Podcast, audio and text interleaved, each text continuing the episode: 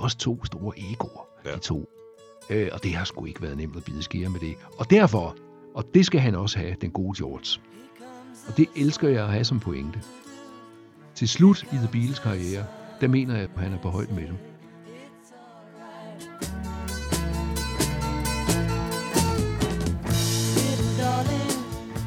Mit navn er Jan Eriksen, og min gæst i POV Studie i dag er foredragsholder, musiker og forfatter Per Vium. Velkommen til, Per. Tak for det. Jeg er meget glad for at kunne sige velkommen til endnu en øh, podcast med udgangspunkt i The Beatles. Det er den fjerde, vi laver. Øh, Som nævnt tidligere i disse podcast får jeg og til opfordringer til at gå videre med Beatles. Der er åben, det er åbenbart et emne, der aldrig går imod. Men det kommer vel ikke helt bag på dig.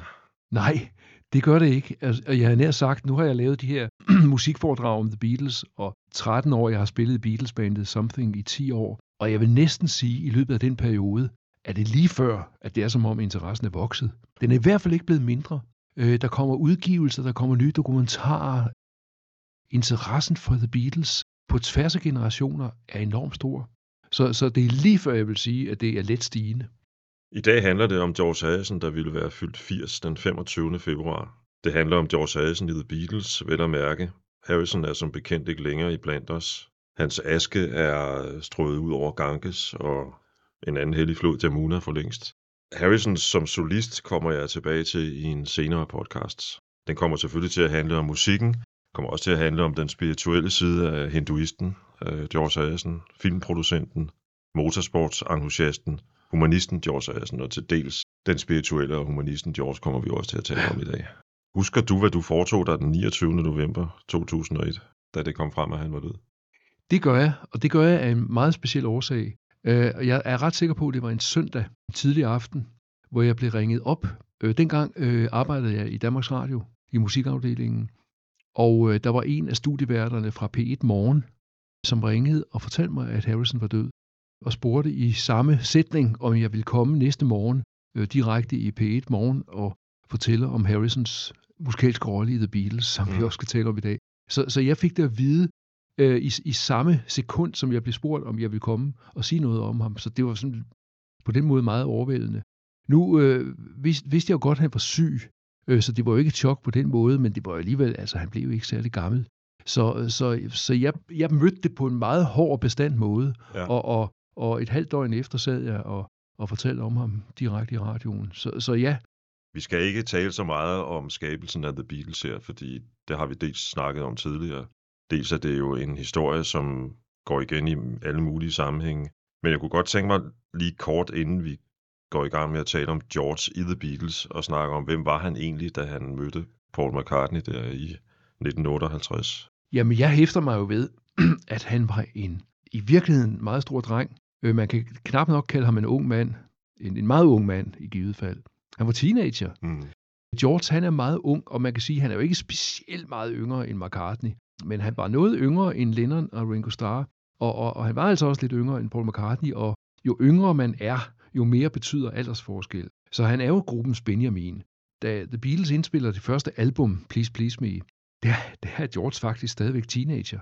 Jeg ved godt, at senere i, i samme måned fyldte han så 20. Men, men mere for at understrege, at han var meget ung.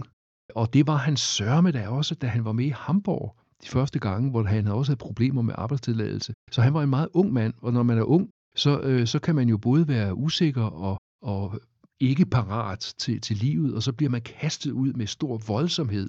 Øh, for det første i det hektiske Hamburg-liv, og senere hen i en karriere, som bare spurtede afsted fra 1963. Så, så jeg tænker tit på, hvor ung han var. Der findes nogle få billeder af The Beatles øh, som helt unge, før de, ja også mens de stadigvæk hed The Quarrymen. Lad os springe frem til for nærmest præcis 60 år siden. Efter at have levet rock and roll drømmen eller mareridtet, kan man måske også kalde det i Hamburg, og senere i Liverpool. De har fået en manager, Brian Epstein, som har fået poleret dem lidt af, og nu er de klar til at indspille i EMI-studier i London. Det kommer til at resultere i albummet Please Please Me, og George synger jo faktisk for på et af de numre. Ja, det gør han. altså, øh, George er jo også sanger i The Beatles. Han er det ikke i samme omfang som John Lennon og Paul McCartney, og det hænger sammen med, at John og Paul skriver virkelig, virkelig mange sange. Mange hver for sig, endnu flere hver for sig. Men George er også sanger i The Beatles, og det er han allerede øh, i det tidlige Beatles. Han, han har ikke selv en sang med på det første album, Please Please Me. Han har på det næste, som hedder With the Beatles. Og så går der faktisk et, et helt år, 1964, hvor han igen ikke har en sang på. Og så bliver han accepteret til en vis grad som sangskriver fra 1965. Men, men når George så alligevel synger nogle sange allerede på, øhm, på de tidlige plader, så, så er det fordi, han synger nogle af de mange kopinumre, altså andre gruppers, andre kunstneres sange, som The Beatles øh, spiller. For det, dem har de fordelt, plus det, at George han faktisk øh, i det tidlige Beatles synger to af John Lennons sange, som John ikke selv ønsker at synge. Dels en fra Hard Day's Night-pladen, som hedder I'm Happy Just to Dance With You, men så også fra det første album, John Lennons Do You Want to Know a Secret, som øh, præsenterer George på leadvokal. You'll never know how much I really love you. You'll never know how much I really care. Listen, do you want to know a secret? Do you promise not to tell? Whoa, whoa, closer. Let me whisper in your ear. Say the words you long to hear. I'm in love with you. Ooh. Listen. Do you want to know a secret? Do you promise not to tell? Whoa, whoa, closer.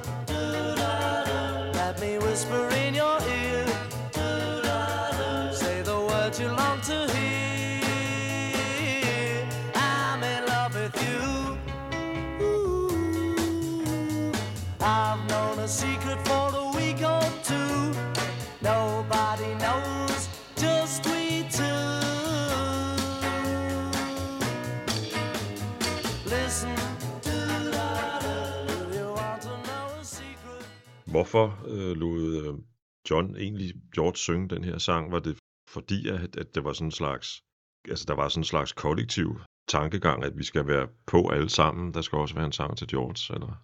Nå, jeg tror da også, det var noget med det her med, at John var blevet gift med Cynthia, og det skulle helst ikke komme ud, og det her er en kærlighedssang, så det var måske bedre, at han ikke selv sang den, tror jeg nok, at han er citeret for. Den historie kan jeg ikke 100%, men, men, men, men jeg tror nok, vi skal have fa- fat i den ende af det. I'm happy just to dance with you, brød han sig ikke selv om at, at synge. Altså han følte ikke, at han, han, han på den måde skulle synge leadvokal i den. Så han, han giver et par sange til George. Ja. Skæbnens øh, tilfældige sammentræf øh, oplever man jo meget ofte, og forleden sad jeg og talte med nogle mennesker om Walt Disney, og nogle af de der tegnefilm, vi husker fra vores barndom. Mm. Og der er også nogle af dem, vi ser hver jul i Disneys juleshow. Og så går jeg hjem og begynder at læse lidt op på det her som forberedelse, og så opdager jeg, at øh, de to første linjer i sangen er, eller to af de første linjer i sangen er inspireret af en sang, som Johns mor, Julia, sang for ham hver aften, da han var dreng, som stammer fra Snevide og de syv små dværge. Det er en sang, der hedder øh, I'm Wishing, og det er de to linjer, Want to know a secret, promise not to tell, Ja. som, øh, som øh, Snevide siger lige inden hun begynder at synge. Det er jo typisk for masser af sangskrivere, og jo også for Lennon og McCartney, at, og Harrison, altså at man jo nogle gange bruger noget, som man har hørt i en anden sammenhæng. Øh, enkelt ord, linjer, så, som man så har ladet sig inspirere af. Så der er, jo, der er jo sådan set ikke noget mærkeligt ved den historie. Nej, man kan nærmest bare sige, at den er lidt sød i virkeligheden. Det er den nemlig. Og så siger den jo også noget om, at Julia betød for John Lennon, som han jo kom til at vende tilbage til flere gange i, Præcis. i sin karriere. Hvad er der ellers at sige om den sang, sådan rent musikalsk? You never know how much I really love you. Den, den, den starter øh, med nogle strofer, som ikke kommer igen, når først nummeret går i gang efter nogle sekunder. Der er en række Beatles-sange, som er, er specielle ved det, at, at de har en åbning, en start, som er unik, øh, som måske er lidt anderledes, øh, lidt mere afdæmpet end resten af nummeret, men i hvert fald, som ikke er et formled, som kommer igen senere. Mm. Det er der en række Beatles-numre, som har, og den her er et virkelig godt eksempel på det. Og så synes jeg også, at hans Liverpool-udtale og sådan hele stemmeklang er, er karakteristisk for den her sang. For fuldstændighedens skyld, så vil jeg da lige nævne, at han faktisk synger to sange på Please Please Me. Den vi lige har talt om, og så Change, som er skrevet af Carole King og Jerry Goffin. Og netop som eksempel på, at George synger nogle af kopinummerne. Fordi han har også, han synger for eksempel Row Row og Beethoven fra, fra det næste album. Ja, Så, så det er derfor, han også har Jeg synes, vi skal springe videre til den første Harrison-komposition. Ja, Don't Bother Me fra uh, With the Beatles. Det er sjovt, fordi at mange, hvis vi lige tager, tager fat i sådan det tekstlige univers, så, så er der jo i det tidlige Beatles, og det ændrer sig enormt undervejs for pokker men i det tidlige Beatles er der jo mange af de her sange, hvor der er tre ord, som hele tiden er der. Me og you og love. Mm. She loves you, I'll get you, I wanna hold your hand. Der er hele den der sådan lidt naive kærlighedssang tekstskrivning. Men, men allerede her så anlægger George en lidt mørkere tone. So go away, leave me alone, don't bother me. Det er noget helt andet end She loves you, I wanna hold your hand. Det er den ene ting, jeg vil sige om den. Den anden ting er, at jeg synes, det er et virkelig fedt nummer. Og jeg synes, det er jo ikke, fordi han skal prøve at skrive sange, ligesom John Lennon, eller som Paul McCartney, eller som når de skriver sange øh, sammen. Men jeg synes, han rammer en eller anden Beatles-stil her, sådan at, at den passer perfekt på det album. Det er ikke sådan, at man tænker, hov, ups, her var en helt anden type sang fra ham, der hedder George. Nej, her er en sang fra ham, der hedder George, som passer ind i det her meget sprøde musikalske landskab, som The Beatles er. Så derfor synes jeg bare, at han kommer så godt fra start som sangskriver. Thank you.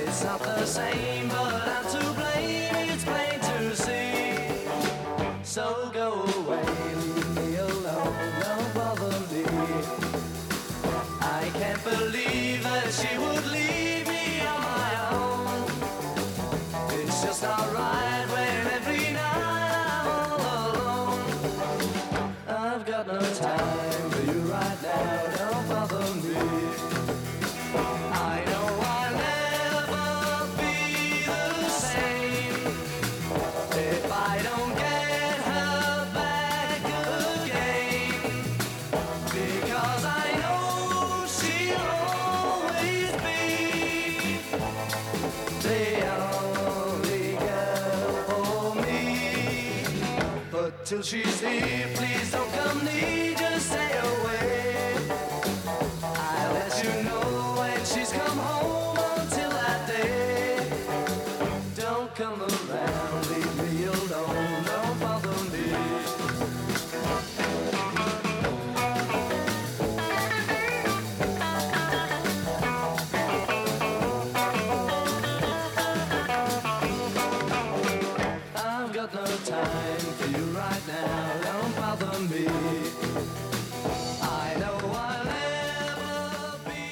meget sjovt, du, du siger det, Per, fordi jeg, jeg har siddet og tænkt på, og jeg ved godt, det måske er et svært spørgsmål, spørgsmål, men hvor meget af det her, tror du, en George Harrison, der prøver at lyde som The Beatles, en George Harrison, der prøver på at skrive en George Harrison-sang, om man så må sige? Det, det bliver i hvert fald for mit vedkommende gætteri. Jeg, jeg tænker ikke, jeg, jeg, jeg tænker, han kommer med, med den her, fordi han selv synes, at, at det, det er hans bud på at komme med en Beatles-sang. Og igen, altså, man kan jo også sige, at The Beatles er jo, er jo og, og, og mere og mere bliver de jo en, en genre mangfoldig gruppe, som, som har mange forskellige stilelementer i deres musik. Det gør de i høj grad, øh, så det er jo ikke sådan, at der er en bestemt uniform, som er The Beatles øh, musik. Men jeg synes, at han kommer med en sang på vegne af, af, af ham selv, George, og så synes jeg, at den passer rigtig godt ind i det her univers. Og jeg, jeg synes, altså i betragtning af, at det er hans første sang, sådan for alvor i The Beatles, jeg ved godt, han har lavet nogle, nogle, nogle skitser før, og et instrumentalnummer med Lennon, men, men det er hans første sang for alvor med The Beatles på et officielt album, og der synes jeg bare, at den er øh, topgod. Det er den da. Ja. Nogle nørder vil jo fremhæve, at han står krediteret for In Spite of All the Danger, som er et Quarrymen-nummer, som blev indspillet, hvis nok for deres egen penge, så vidt jeg husker, øh, og som Paul McCartney i øvrigt spiller til koncerter og til i dag, for ligesom at slå en bue tilbage til begyndelsen. Og McCartney har fortalt, at det er sådan, øh, George var med som medkomponist, simpelthen fordi de ikke vidste, hvordan man gjorde på det tidspunkt med hensyn til kreditering. Det er fordi, han, George har selv lavet soloen.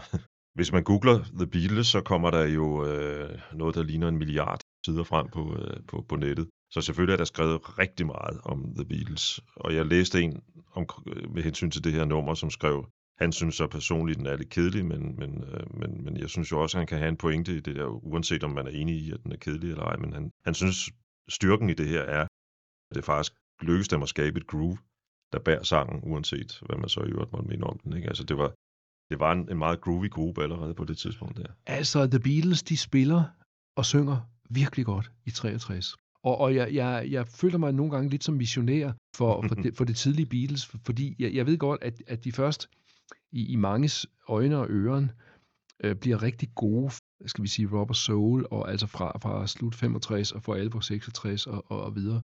Men jeg abonnerer ikke på det synspunkt, fordi jeg, jeg synes, deres musik ændrer sig undervejs. Men jeg synes, de som gruppe er enormt gode. De spiller, at det er også derfor, de kan indspille det her debutalbum, eller i hvert fald 10 af de 14 sange på en dag i studiet. Det er fordi, de gode. Flere sange kom, kommer til verden i et take, så, så der, er, rigt, der er mange numre, hvor de spiller og synger virkelig godt. Og det gør de så også på den her.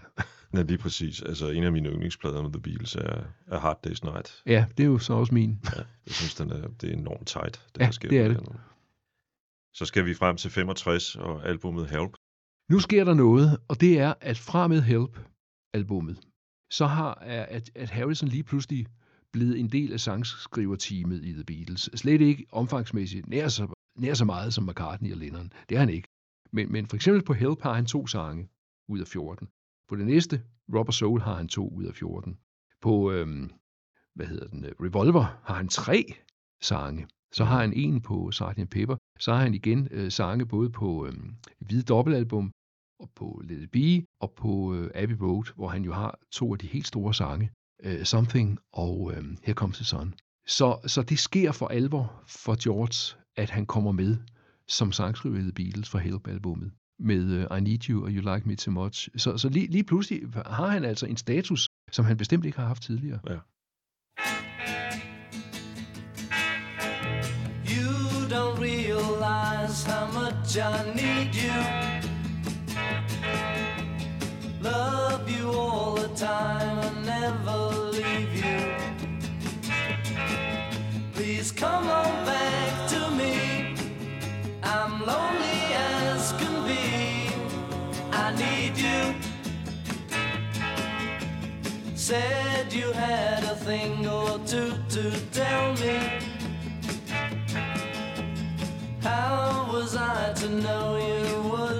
Upset me?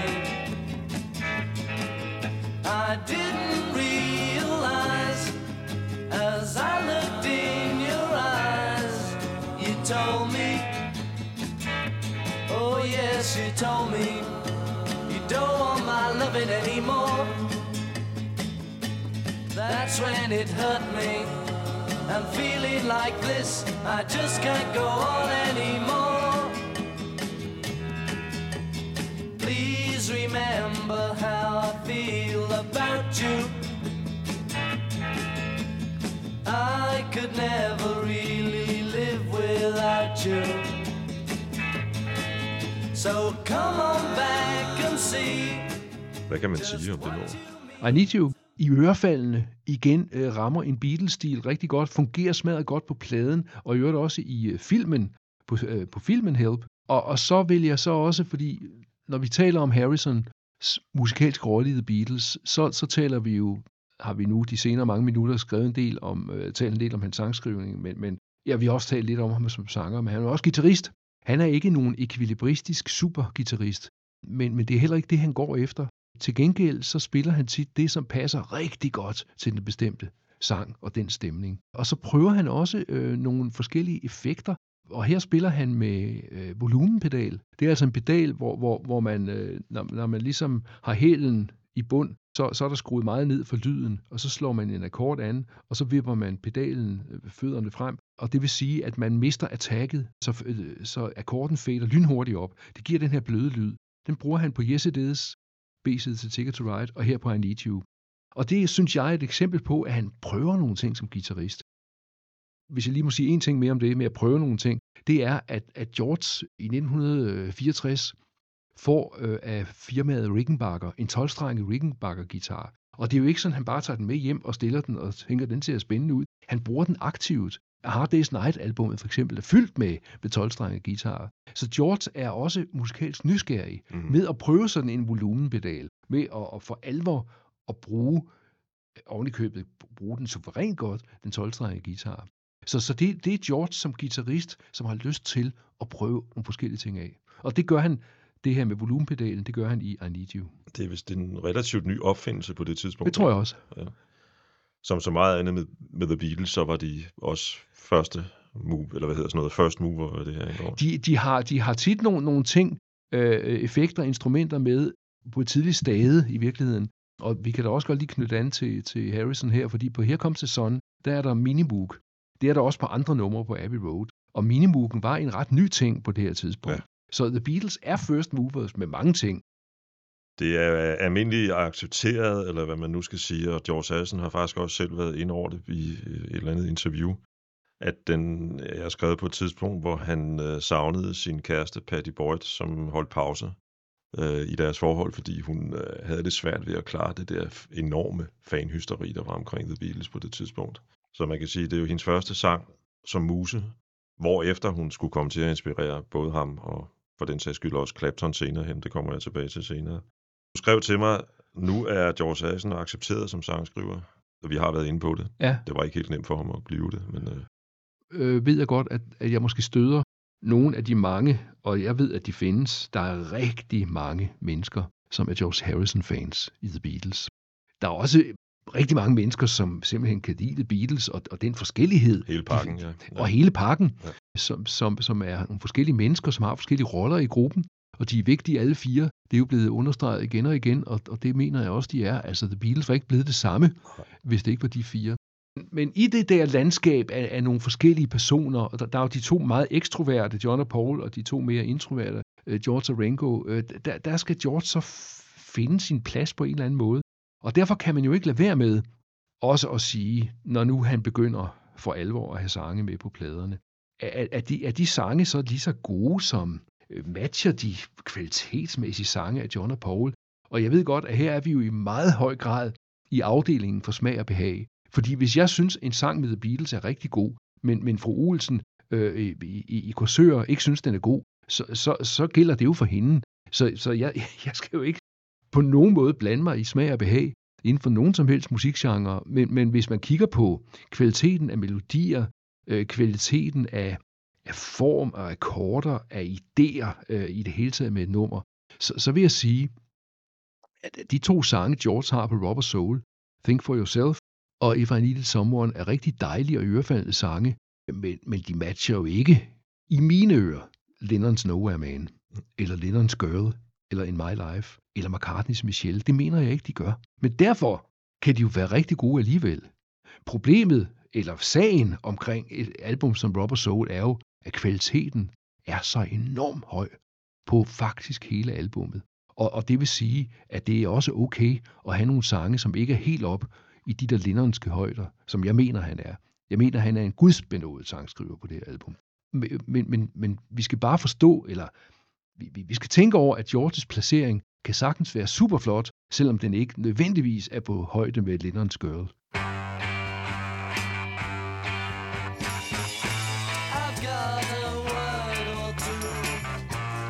Say about the things that you do.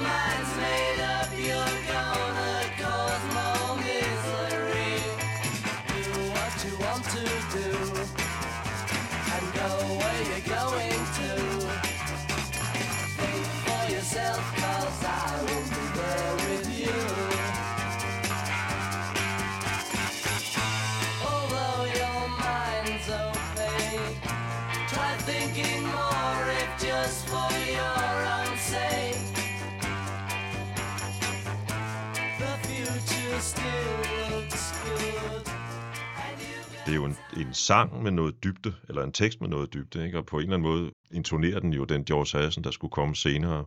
Meget spirituel George Harrison, der Ja. skulle komme senere. Nogle siger, at det er fordi, han var inspireret af sit nye venskab med Bob Dylan, der havde skrevet den her Positively Fourth Street. Harrison har selv været lidt inde på, at den sang muligvis Think for Yourself var en sådan præ-kommentar til det, der bliver emnet på uh, Taxman, nemlig uh, det systemet og de der enormt høje skatter, som The Beatles skulle betale, hvor penge, som gik til våbenindkøb til USA's krig i, uh, i Vietnam ja. og så videre, ikke? Men der synes jeg jo egentlig, at, at, at, at det er jo en meget Harrison-agtig sang i virkeligheden. Ikke? Absolut. Think for yourself formmæssigt. Der er den øh, ret forudsigelig og konventionel. Think for yourself skifter hele tiden mellem vers og omkvæd, og det er der ikke noget galt i. Men, men, men, men, men den har ikke lige pludselig et overraskende stykke. Så for mig, øh, den, den dør en lille smule musikalsk, øh, når vi nærmer os øh, slutningen. Men, mm. men igen, jeg, jeg, jeg må understrege, det er ikke fordi, jeg er bange for at blive lynchet øh, eller blive opsøgt på, på min private bopæl. Det er ikke derfor... Lille det, det, øh, det, det, det er mere for at sige, at, at, at i respekt for, at, at mange mennesker har, en, øh, har smag og behag og, og holder af, af nogle ting, så, så, så våger jeg alligevel at sige, at, at, at George skriver dejlige sange på det her album, men, men han skriver ikke sange, som har lige så høje kvaliteter, som for eksempel John. Og det sjove er jo så, hvis vi lige tager det med, det er jo så, at, at øh, jeg, jeg tænker også, at han har haft det lidt svært i starten, fordi han er også op mod to kæmpe egoer. De er jo ikke bare talenter, de er jo også to store egoer, ja. De to. Øh, og det har sgu ikke været nemt at bide skære med det. Og derfor, og det skal han også have, den gode George. Og det elsker jeg at have som pointe. Til slut i The Beatles karriere, der mener jeg sgu, han er på højde med dem. For jeg vil sige, at Helt både uh, Something og Here Comes the Sun, det er meget store sange. Revolver, Taxman, det er et af George Harrisons mest øh, kendte numre. Ja, og, og, og, ja, og hvorfor er det det? Altså, hvis du spørger mig, så er det jo fordi, det for det første er et godt nummer. Det har et fedt groove. Og så er det nummer et på side 1. Jamen, det er jo det. Og, og det er jo ikke, der er jo ikke nogen garanti for, at track nummer et altid bliver et kendt nummer, fordi der, der, du kan finde masser af kunstnere, som har plader, hvor, hvor det er et helt andet track, som bliver hittet, eller som bliver det populære. Det er jeg helt med på. Men, men vi skal også se sådan på det, at, at det, der, der er det første track på en udgivelse, dengang og senere hen, øh, det, det er jo et track, som både en, en kunstneren og producer og pladeselskab synes er fedt, for ellers ville de ikke have placeret det der.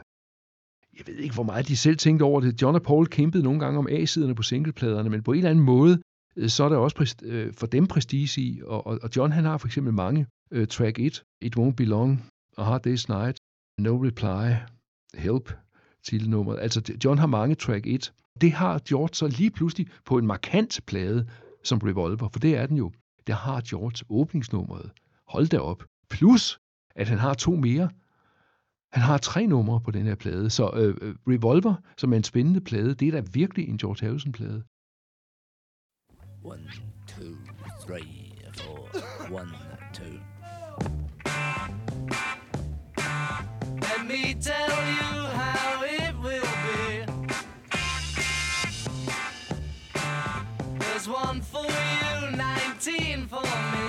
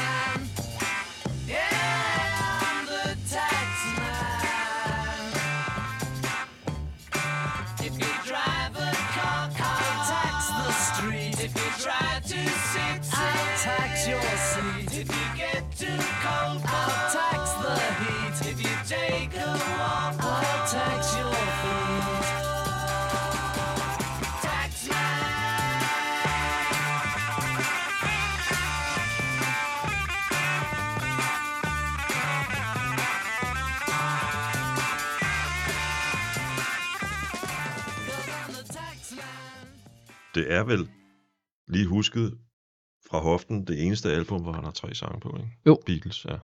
Nej, det har han vel også på dobbelt øh, på det hvide Det har han på ja, ja, ja, ja, men, men det er jo så også, ja. den, det er jo dobbelt op. fire sider, men Ja, men, ja, men, ja. men, men på den måde fylder han en del. Den, på den amerikanske udgave af, af Revolver, hvor der er nogle af Lennons numre, som ikke er med i forhold til den europæiske. Der har John og George lige mange numre på Revolver. Det er lidt interessant, ikke? som vi talte om, da vi snakkede om Revolver øh, for et års tid siden, tror jeg. Eller lidt mere. George var den i The Beatles på, lige på det her tidspunkt, som lyttede til mest soulmusik, R&B, sort musik i det hele taget. Og det kan man vel også sige, den her sang på en eller anden måde illustrerer, ikke? Jo. Men, men også, den har det der, som du sagde, øh, pågående drive. Altså, det, det et, uh, Taxman er et medrivende nummer. Ja, det må man sige. Ja. Ja. Så er det så øh, Paul McCartney, der spiller guitar-soloen. Og, men, men, men, men det synes jeg ikke desavouerer George, altså, fordi jeg synes stadigvæk, at George han har den her sang. Den, den er track nummer et. Den er medrivende. Så, så jeg synes ikke, det trækker fra, at det er McCartney, der spiller soloen. Det synes jeg ikke. Øh, det er et enormt fedt nummer. Det er, held, det er også et nummer, hvor man kan sige, det minder sgu ikke rigtig om noget andet. Det, det er et meget unikt nummer, Taxman. Ja, Det er ikke sådan, at man lige tænker, at det minder lidt om... øh, Det gør den ikke. Nej, Og så er der de her sjove ting, at den handler om det engelske skattesystem. Og, og så er Taxman, kan jeg bare huske, at det er, det, det er første gang, at man i et Beatles-sang øh, nævner levende øh, mennesker, nemlig øh, øh, Wilson og Heath. Altså, de bliver jo simpelthen sunget i falset. Ja, de to ja, ja. premierminister. Så der, er- der, er- der er en masse sjove ting omkring. Også Ja. ja. indtællingen, Warren. Øh. Ja, Altså, der er så mange sjove Ja. ja. ting, også produktionelt, omkring Taxman jeg fik mig et stille grin forleden, da jeg satte mig til at, at begynde at forberede den her podcast, øh, og opdagede, at det er blandt meget hardcore Beatles øh, bidiologer, hvis det udtryk findes. Et, et, blandt mange andre diskussionsemner er det et diskussionsemne, hvorfor den der indtælling er der i begyndelsen. Og må ikke bare forklaringen har været, at George øh, sammen med George Martin måske har haft lyst til at lave lidt sjov eller et eller andet. Jo, altså nogle gange tager man jo nogle gange tager man ting med på plader, også nogle gange, hvis- sangeren kommer til at grine, e- eller, eller at der- er en eller anden lyd. Altså nogle gange er der noget ud over selve musikken, mm. Og man kan sige, at The Beatles har gjort det en gang før. Den er lidt mere straight, men indtællingen til I Saw Her Standing There, Mm. one, two, three, four, som er mere straight, men, Ja. men, men den er også med. Øh, og jeg tror også nogle gange tager man, jeg har jo også selv været i studiet, hvor man sagde, ej, skal vi ikke beholde det der, det lyder sjovt, eller det lyder godt. Jeg tror bare, de har taget det med af den grund. Mm. Men, men den er enormt markant, den indtælling. En lille anekdote. For et par uger siden døde Georges søster, 90 år gammel, Louise hed hun. Så tænkte jeg, gud ved, hvad hendes historie egentlig var. Og så begyndte jeg at sidde og google lidt. Og hun boede i mange år i Illinois i USA. Og fortæller så i et interview, der er begået en gang, at hun fik besøg af George og hans øh, bror, deres fælles bror, Peter, tror jeg han hed, i 63, så han var faktisk den første bil, der besøgte USA, før de tog derover alle fire lidt senere der var George rundt og shoppe i, i et par butikker i den by, hun boede i. Købte blandt andet en plade, påstod hun, som inspirerede Taxman. Jeg kan ikke huske, hvad pladens titel okay. var.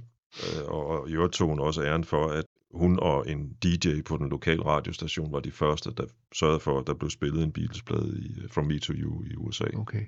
Rent historisk kan det godt være rigtigt. Guderne må vide, om det er det. Det finder man jo aldrig ud af. Men, men, men det, det, det foregik i begyndelsen af juni 63, og den blev udgivet i sidst i maj. Altså, der var, jo, øh, der var jo et lille selskab, som udgav Ja, Beatles tidligt det i var- det USA, var- før det så blev Capitol. Det var dem, der udgav det der sidst i maj 63. Men nu bliver det meget nørdet. Jeg tror, vi skal gå videre til... Øh, I want to tell you. Ja. Altså, her har jeg lyst til, og, og jeg skal gøre det helt kort. Jeg spiller som sagt i Beatles-bandet Something, opkaldt efter en Harrison-sang. Vi har ikke lige her de, de sidste par år spillet den, men vi spiller, eller vi har på den brutto-sætlisten, har vi I want to tell you. Øh, og vi øh, skal spille den her i år, når vi, vi har turné i, i efteråret. Det glæder jeg mig rigtig meget til. Når man spiller, er med til at synge og spille Beatles-sange, øh, så har man dem jo bog- bogstaveligt talt i hænderne. Og så kommer man meget tæt på de her sange. De sange, vi spiller med bandet og har gjort i mange år, dem føler jeg mig enormt tæt på. Og derfor er jeg tæt på en sang som I Want to Tell You. mm, Og altså, det, det betyder så, at jeg, jeg fuldstændig ved, hvad for nogle akkorder og hvad, hvad, hvad teksten er osv. Men, men, men det er mere end det. Det er også noget mentalt. Altså, man går ind i nogle sange, hvis man, hvis man har lyst til det i hvert fald. Den er ganske vist i dur. B-stykket er så i mol, men, men, men den har igen, synes jeg, den her mørke stemning, som vi talte om, da vi talte om Don't Bother Me, som vi også har talt om i nogle andre Harrison-numre, at efter The Beatles, der har George også den mørke tone. Beware of Darkness, Isn't It a Pity, hold da op, det er meget mørke, målagtige sange. Og det synes jeg allerede, I Want to Tell You er.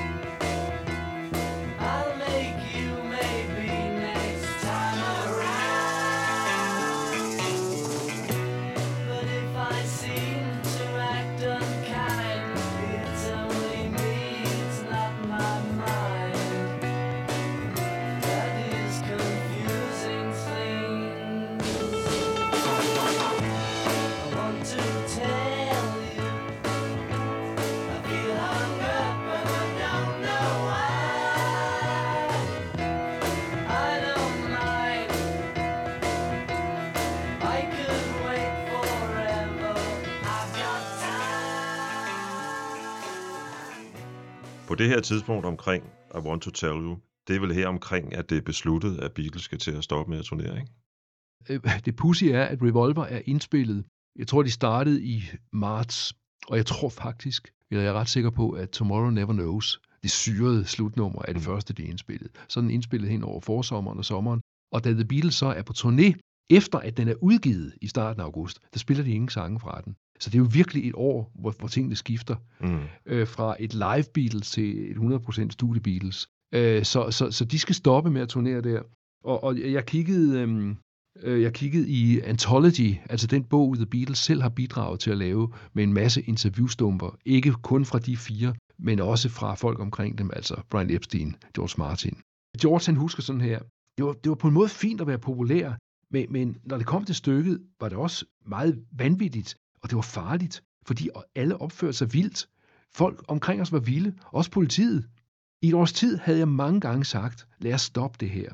Men i 1966 blev det endelig slut på denne æra. Det er sådan i telegramstil øh, George øh, øh, kiggen tilbage på og stå der i 1963 og sige, det var vanvittigt, nu er vi slut med den del af The Beatles.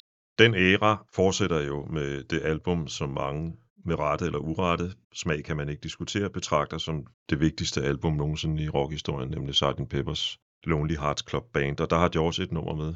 Hvordan var det egentlig, inden vi begynder at tale om nummeret, hvordan var det egentlig, Harrison lærte, sitaren øh, at kende? Det gjorde han, fordi at øh, der er nogle, øh, nogle indiske musikere med i øh, en lille sekvens i filmen Help.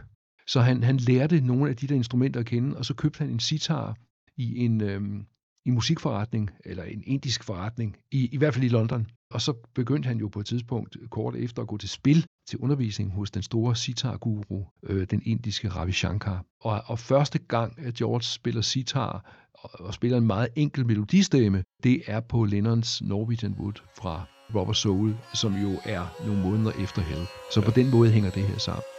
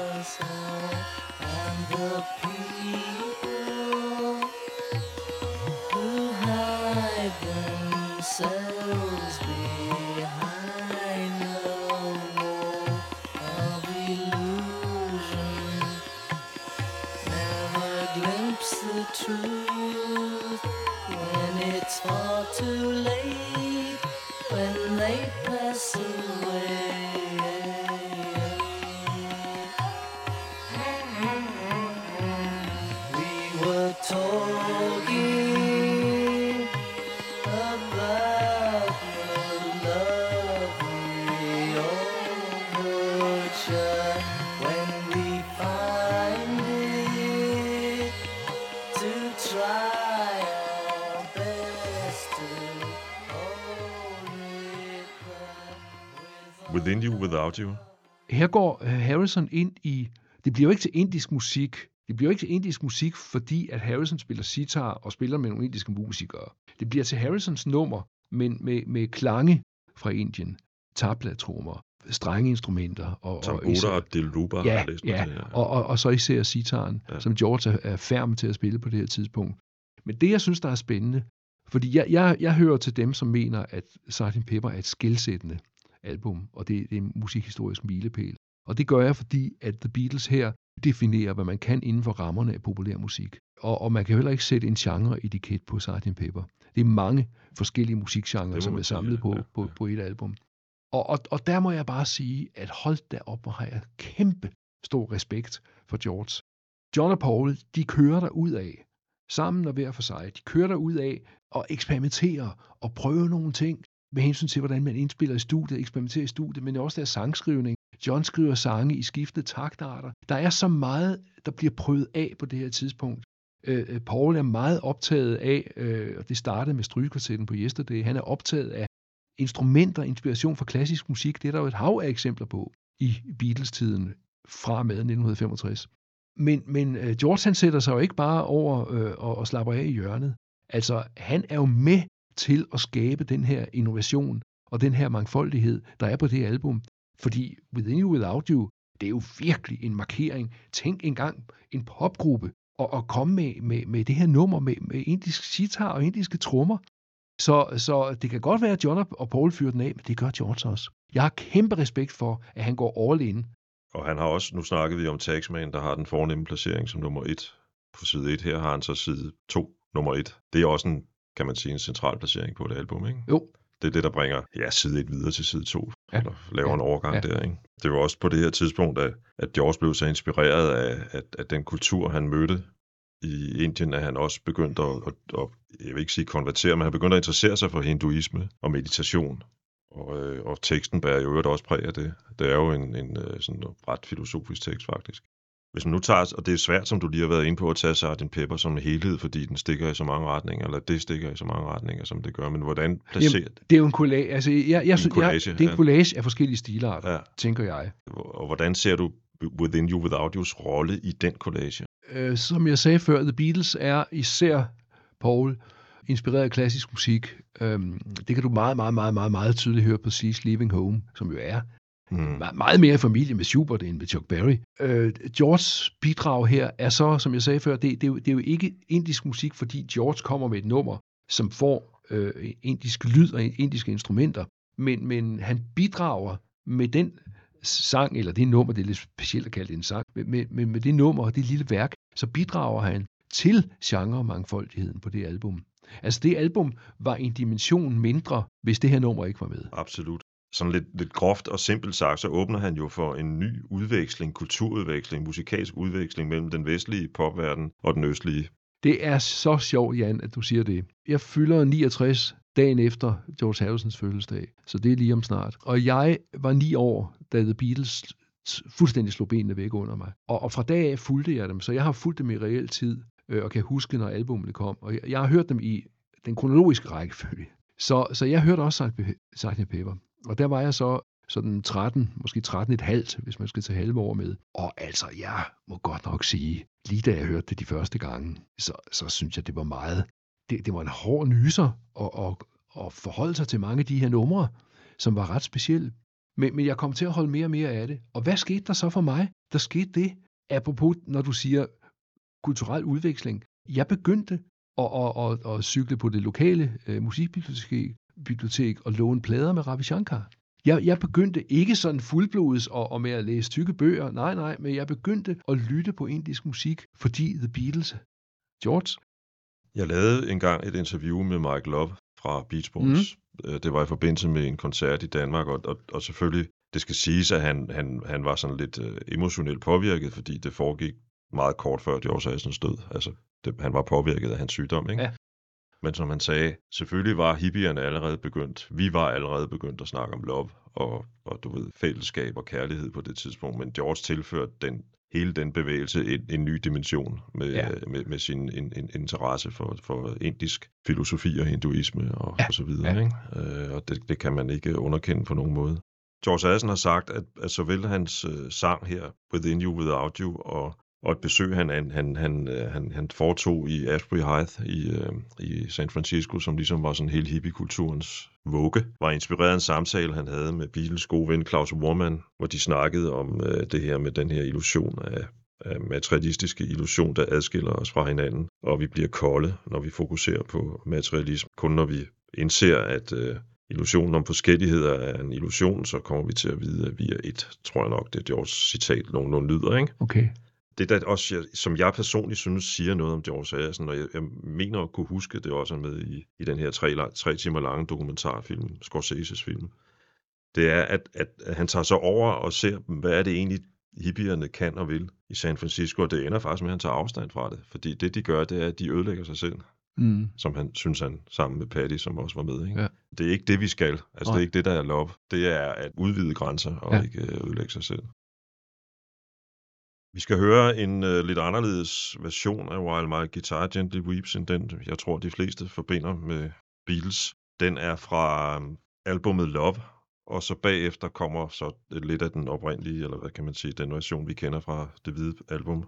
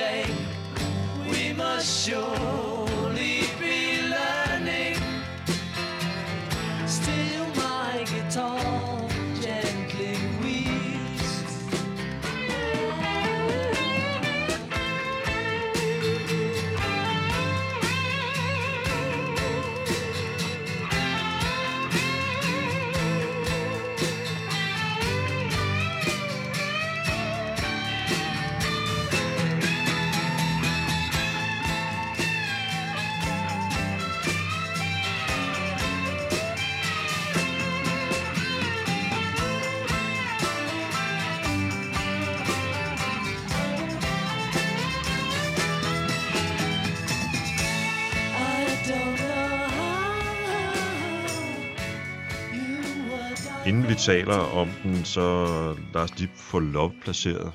Hvad er det? Uh, Love, det var sådan en, en total... Jeg har desværre ikke set den, men det var sådan en total teaterforestilling, som har gået mange år i Las Vegas.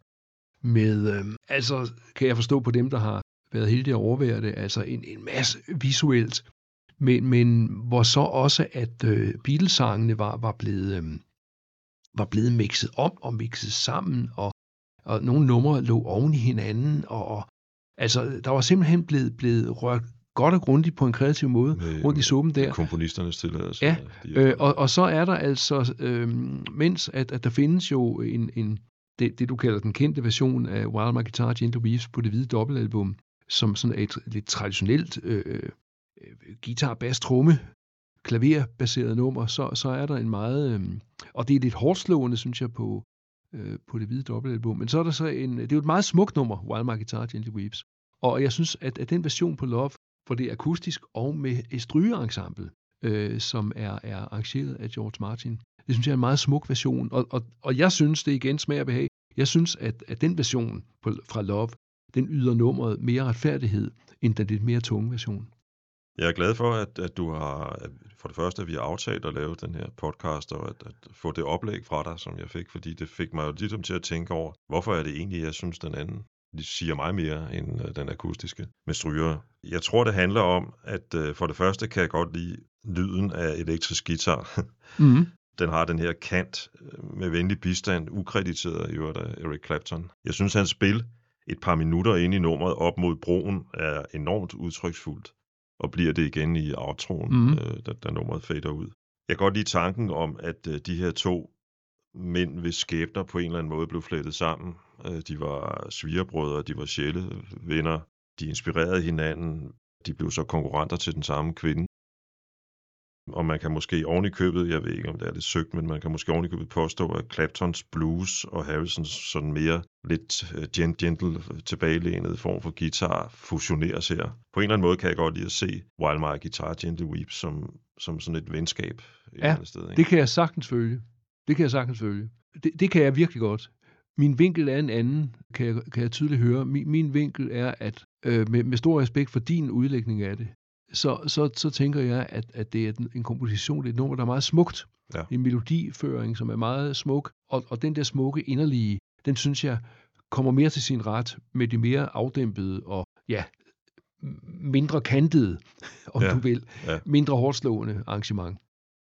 En ting, man kan sige om While My Guitar Gently Weeps, før vi kommer til det, jeg kalder verdens smukkeste kærlighedsnummer, nemlig Something, det er, at selv i det her nummer, Wild My Guitar, hvor George jo igen er inspireret ikke, i denne omgang ikke så meget af hinduismen, men har jeg læst mig til øh, noget, der hedder I Ching, af en kinesisk livsfilosofi, så er der stadigvæk den her George Harrisonske lille ironiske krølle med uh, I look at the floor and notice it's, it's sweeping.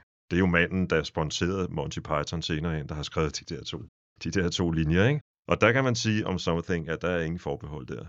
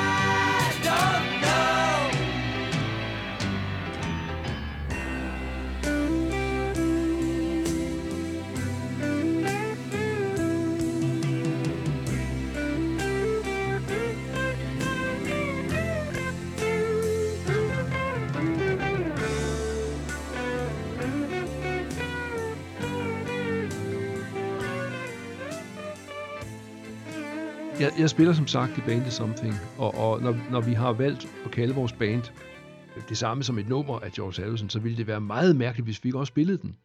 Men, men vi ville nu også spille den alligevel.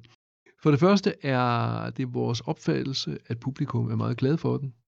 Det, det er nok en af de sange, vi har på setlisten, som høster mest øh, bifald og gode ord bagefter. Øh, og, og for det andet, så synes vi også selv, den er pragtfuld at spille. Det er simpelthen sådan et smukt nummer. Verset er smukt, øh, V-stykket er smukt. Det, det, det er en sang, øh, hvor, hvor jeg synes både melodisk, øh, akkordmæssig, opbygning, også den måde, The Beatles udfører den på, går op i en højere enhed. Og den er jo et, et meget godt eksempel på, en ting, som vi talte lidt om i starten, at George han er god til som guitarist, øh, ikke at fyre den af med vildt mange Van halen øh, hurtige toner. Han, han spiller det, som passer til sangen. The Beatles havde det her udtryk, to play for the song, to play for the song, altså at spille det, som, som passer i en sang stemning. Og guitarsoloen er meget melodiøs, og den er ikke teknisk øh, øh fuldstændig 100% perfekt, men den er til gengæld, øh, hvad angår feeling, perfekt og 100%. Øh, den, den er sådan en smuk solo, som passer fuldstændig ind i den stemning, man er i, når man hører nummeret. Og det, skal, det er også et stort gave til George. Det er at ramme den stemning, i stedet for bare at skal fyre den af som guitarist. Han, han, han sætter sig selv i baggrunden her, og, og, og, og soloen bliver noget, som passer til nummeret, og ikke et udstillingsvindue for ham som guitarist. Forstår du, hvad jeg mener med Ja, det? helt sikkert. Jeg mener, det er Jimmy Page, der engang har sagt, at det er den perfekte solo. Så tænker man, skulle de ord komme fra en af, du ved, heavy rockens allermest anerkendte guitarister, ikke? Og som han siger, jamen, det man, det, den, den er så godt spillet, at den lyder, som om den ikke er planlagt. Det der med to play for the song og spille det, der passer til sangen, det går da fuldstændig op i en høj, højere enhed her. Og det er jo også det, Ringo gør på nummeret, altså spiller for sangen. Fuldstændig. Det er noget helt andet. Den var oprindeligt tiltænkt en, en herre ved navn Jackie Lomax, som udsendte plader på øh, Beatles pladeselskab Apple. Så skiftede Harrison mening og, og, og, og tænkte på Joe Cocker. Og den endte faktisk også med at komme med på Joe Cocker-album, men det udkom et par måneder efter Abbey Road. Så øh, Det var da godt, de selv, selv tog den i The Beatles, ja, det er jeg sgu glad for. Ja. Der er en, en, øh, en lille snas på YouTube, hvor Joe synger den dengang. Altså på det tidspunkt, det er omkring 69-70, Mm. den kan jeg godt anbefale. Det er sjovt at høre den med Sheffield accent. At det jo ikke kun er Per Virum og mig, der synes, at Something er en god sang, det kan man blandt andet se på, at den ved udgangen af 1970, og jeg taler altså 1970, var, var indspillet i 150 coverversioner Var den det? på, det vil sige på 14 måneder cirka. Nå. Ikke? Den sidste sang, vi skal snakke om, det er I Me Mine, og det er jo fra Let It Be. Og det er det sidste, øh, som er indspillet fra The Beatles side, og, og John Lennon er faktisk ikke engang med. Fordi øh, her er vi helt henne i starten af januar 1970, hvor John Lennon og Yoko Ono er i ty, og hvor, hvor Ringo og Paul og George så indspiller I'm in Mine, som igen øh, er den der mørke side af, af Harrison, som igen er et meget melodisk nummer, og så er det et nummer, som har virkelig nogle brudflader, fordi de, de øh, verset og omkvædet er, er, er meget forskellige. De er også forskellige rent rytmisk. Verset er i øh, tredeltakt. 1, 2, 3, 1, 2, 3. Og, og, og omkvædet er meget mere er, er i fire fjerdedel og, og meget mere pågående. Så, så I'm in Mine har kontraster indbygget i sig, og er så et... Øh, det, det er noget, som, som uh, Lennon har en del af på Sgt. Pepper-pladen, det her, at, at num- nummeret skifter takt under, Mm. øh, undervejs. Men her på Harrisons I'm in Mine, der er det også meget karakteristisk, at øh, med, så, så dine lyttere her til podcasten, prøv at lægge mærke til, hvor stor forskel der er på versene og på omkvædene. Det skyldes flere forskellige ting. Det skyldes blandt andet, at de går i forskellige taktart.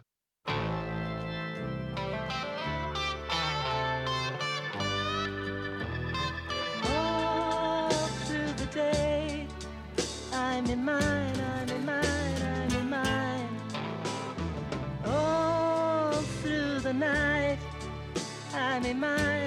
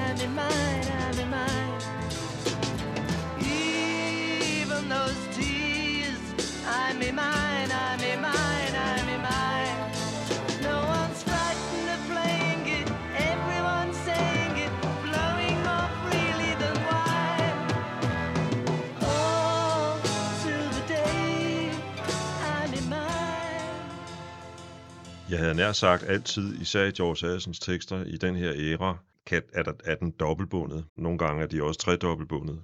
Fordi på den ene side vil enhver jo kunne tolke det som en kommentar til forholdene i The Beatles. Øh, jeg er sikker, mange af jer lyttere, der har set øh, Get Back, den her, jeg tror det er, er det ikke næsten ni timer eller sådan noget, vi, øh, vi har måttet med stor glæde sidde og kigge på, da vi så filmen. Og, og der fremgår det jo flere steder, blandt andet omkring Something, hvor lidt Paul og John egentlig er engageret i det, som George kommer med. Så på en eller anden måde, og, og gruppen var jo også en, en, gruppe i, i opløsning på det tidspunkt, en dysfunktionelt forhold, kan man sige. Øh, Så det er også en kommentar til The Beatles, men det er jo også en kommentar til, altså jeg mener, hele den vestlige kultur.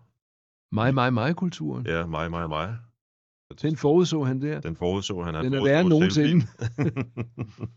Men, Ja. men, men jeg vil gerne øh, have lov her, med- når vi er ved at slutte, jeg vil gerne have lov øhm, at gå en lille smule i rette med dig, fordi Endelig. øhm, jeg har også set uh, Get Back-filmen. Øh, jeg, jeg vil jo ikke sige, at jeg var fyldt med glæde hele tiden. Øhm, jeg, jeg synes, og jeg ved godt, jeg er meget enig om det her synspunkt, men, men øh, jeg synes ikke, Peter Jackson, instruktøren, har gjort det særlig godt. Jeg synes, at han er faldet fuldstændig i, øh, der hvor gæret var lavest, ved at fremhæve de to ekstroverte. Det er jo en John og Paul-film. Øh, og hver gang John og Paul gør noget, der er sjovt, så skal vi se det i sin fulde udstrækning. Men når George præsenterer nummer, så fedter vi ud. Altså, øh, han har, Peter Jackson har favoriseret de to ekstroverte på bekostning af de to introverte. Så, så, ud, så ud, ud fra et George Harrison synspunkt, og det er ham, vi markerer i dag, Ja. og som vi respekterer, du og jeg og mange andre. Øh, ud fra et Harrisonsk synspunkt, der, der, der synes jeg godt nok ikke, den er særlig god, den der Get Back. Ja. Det, det, jeg, går, jeg kan sagtens se, hvad du mener, også fordi et eller andet sted er Jackson jo kommet til lidt at hoppe med på, på, på Paul og Johns vogn. Ja. Og, og på et eller andet sted kommer det så også til at understrege Harrisons placering i det orkester på Ja. det tidspunkt. Ja. Og ved du hvad, det er meget sjovt, det... de spiller gamle rocknumre. Vi behøver måske ikke se dem alle sammen Nej, i sin det fulde også, den, udstrækning. den er bestemt også, jeg skrev en anmeldelse af den, hvor jeg også skrev, at den også for lang. Ja. den er også for lang. Det synes jeg også. Altså ting, jeg, jeg må bare sige, hverken bøger øh, eller, øh, eller, eller film eller musikstykker øh, bliver bedre, fordi de er lange.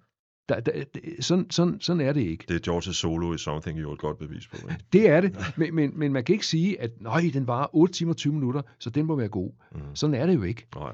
Øh, så jeg synes, den er dårligt redigeret, men, men, men det værste er, at, at, øh, ja, at der er en kæmpe skævvridning af det band. Det kunne vi snakke længere om, det skal vi ikke, men det er egentlig ret interessant, eller det er meget interessant det der, fordi man kan sige, der hvor George egentlig får noget fylde, det er der, hvor han går sin vej. Ja. Jeg skal til at runde af. Jeg kan sige, at uh, som afslutningsnummer, som forhåbentlig bliver en slags link til den næste Harrison-podcast, har jeg valgt All Things Must Pass. Mm. Mm. Titelnummeret fra Triple-albummet, der udkom i 71. Jeg har en meget personlig grund til at spille den sang, og det kommer jeg så tilbage til i den anden podcast. Den figurerer på, jeg har sådan noget, jeg kalder min lille salmebog.